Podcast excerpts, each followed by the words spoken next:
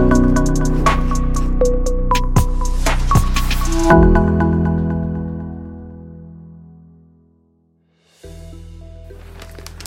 Dzień dobry, dzień dobry. Tak pomyślałem, że zacznę dzisiaj łagodnymi słowami, miękkim tonem, bo mamy poniedziałek, a więc rodzi się nowy tydzień, a wszystko, co nowonarodzone, jest niezwykle delikatne i łagodne, czego piękną alegorią jest obraz tego oto słonika narodzonego w jednym z amerykańskich ogrodów zoologicznych.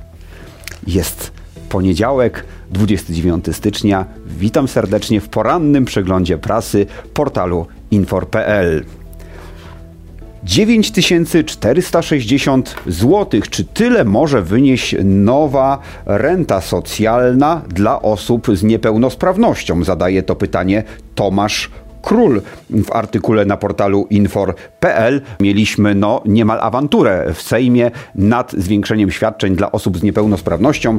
Mm, koalicja spełnia tym samym swoją przedwyborczą obietnicę, podnosząc znacznie świadczenia dla osób zmagających się z niepełnosprawnościami. Ja przypomnę, że nieco ponad 1300 zł wynosiło dotąd, e, dotąd to świadczenie, natomiast e, teraz to będzie zrównane już z wynagrodzeniem e, minimalnym, więc 4300 zł od 2024 od stycznia, mm, a w przypadku niektórych osób nawet 220% renty socjalnej będzie możliwe, a zatem byłoby to 9460 zł, choć jak podkreśla redaktor Król, to jeszcze nie jest pewne, bo rząd o utrzymaniu tego przelicznika procentowego jeszcze milczy. To jest dzisiejsza jedynka portalu infor.pl.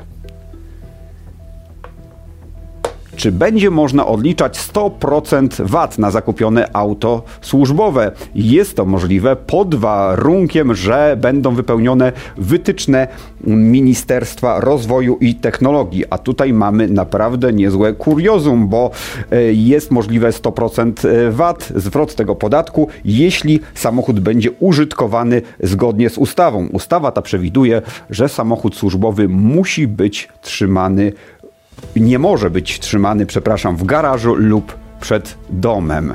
Czyli w momencie, kiedy urzędnik zarejestruje, że samochód służbowy został postawiony w domowym garażu pracownika, wówczas e, ten e, VAT może zostać e, zagarnięty z powrotem przez skarbówkę. Nieźle, nieźle. Izera to polskie auto elektryczne. Czeka ono na inaugurację. Zapowiedziano było przez rząd Mateusza Mao Morawieckiego z wielką pompą, natomiast nie wiadomo, co z tą Izerą będzie, bo trwają w tej chwili dyskusje nad tym, czy fabryka pierwszego polskiego samochodu elektrycznego zostanie wybudowana. Wygląda na to, że tak, że jeszcze w pierwszym kwartale 2024 roku pod Jaworznem rozpocznie się budowa parku maszynowego, który ma zostać ukończony w czwartym kwartale 2025 roku, natomiast w roku 2026 na szosy ma wyjechać pierwszy polski samochód elektryczny Izera. Eksperci studzą jednak nasz e, motoryzacyjny patriotyzm, gdyż będzie on montowany z chińskich części. No cóż, ale w końcu po kilkudziesięciu latach będzie polski samochód e, ponownie po e, drogach jeździł. Te, które mm, jeszcze wyjechały z polskich e, fabryk, w tej chwili już dogorywają żywota i możliwe, możliwe jest ich zakup bardziej jako antyków niż realnych pojazdów lokomocyjnych. To informacja z dzisiejszego dziennika Gazety Prawnej. Redaktor Dziennika Polska Kazimierz Sikorski wybrał się na, e, do Las Vegas na e, targi Consumer Technology Association, gdzie zaprezentowano najnowsze cuda techniki. Był tam między innymi przezroczysty telewizor LG, którego obraz obraca się w w trójwymiarowej przestrzeni.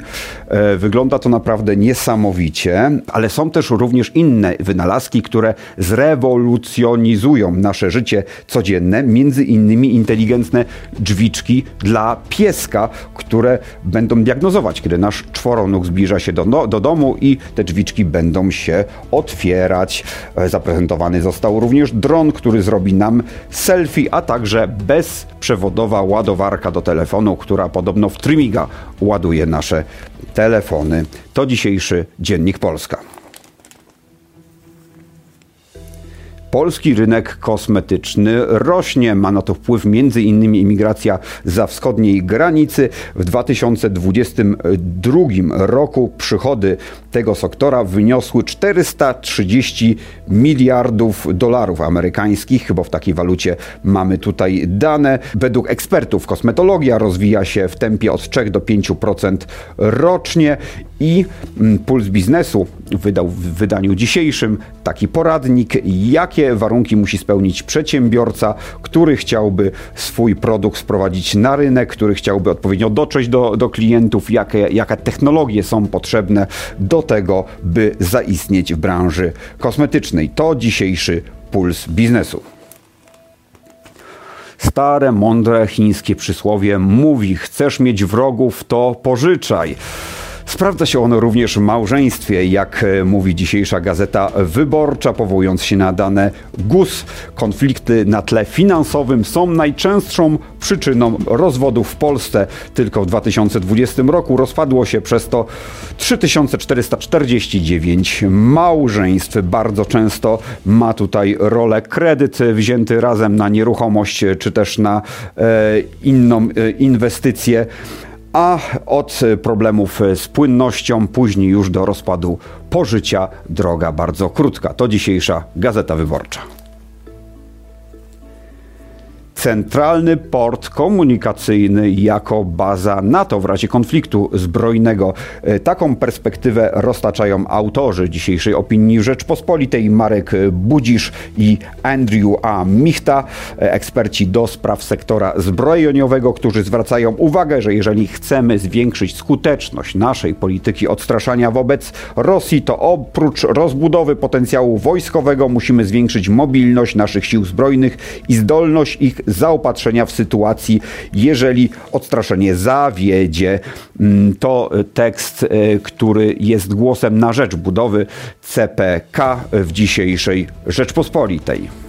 Powroty Podobnie jak początki bywają wzruszające, jest takie zwierzątko liściożer. E, żyje ono w jednym z ogrodów zoologicznych w Australii i młody liściożer został odseparowany od swojej mamy, żeby przejść pewien zabieg medyczny.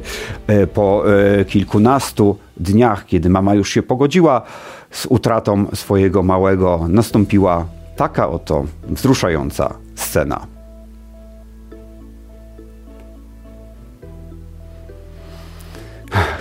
To był poranny przegląd prasy portalu infor.pl.